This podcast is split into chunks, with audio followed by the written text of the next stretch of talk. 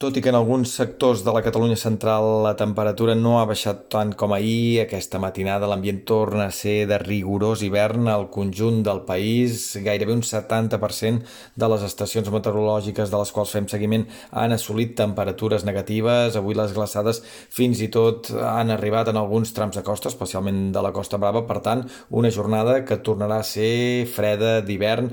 Avui potser les màximes repuntaran 1 o 2 graus més que ahir, però difícilment Eh, aniran més enllà dels 14-15 graus a la façana litoral, tot plegat en un divendres amb molt més sol que no pas núvols i això sí, amb una nevada dèbil al Pirineu a partir d'uns 800-900 metres d'altitud. Avui el vent ha perdut intensitat, les ratxes fins ara no superen els 60-70 km per hora, però el mestral, a mesura que avanci el dia, anirà guanyant una mica d'intensitat a les comarques del sud.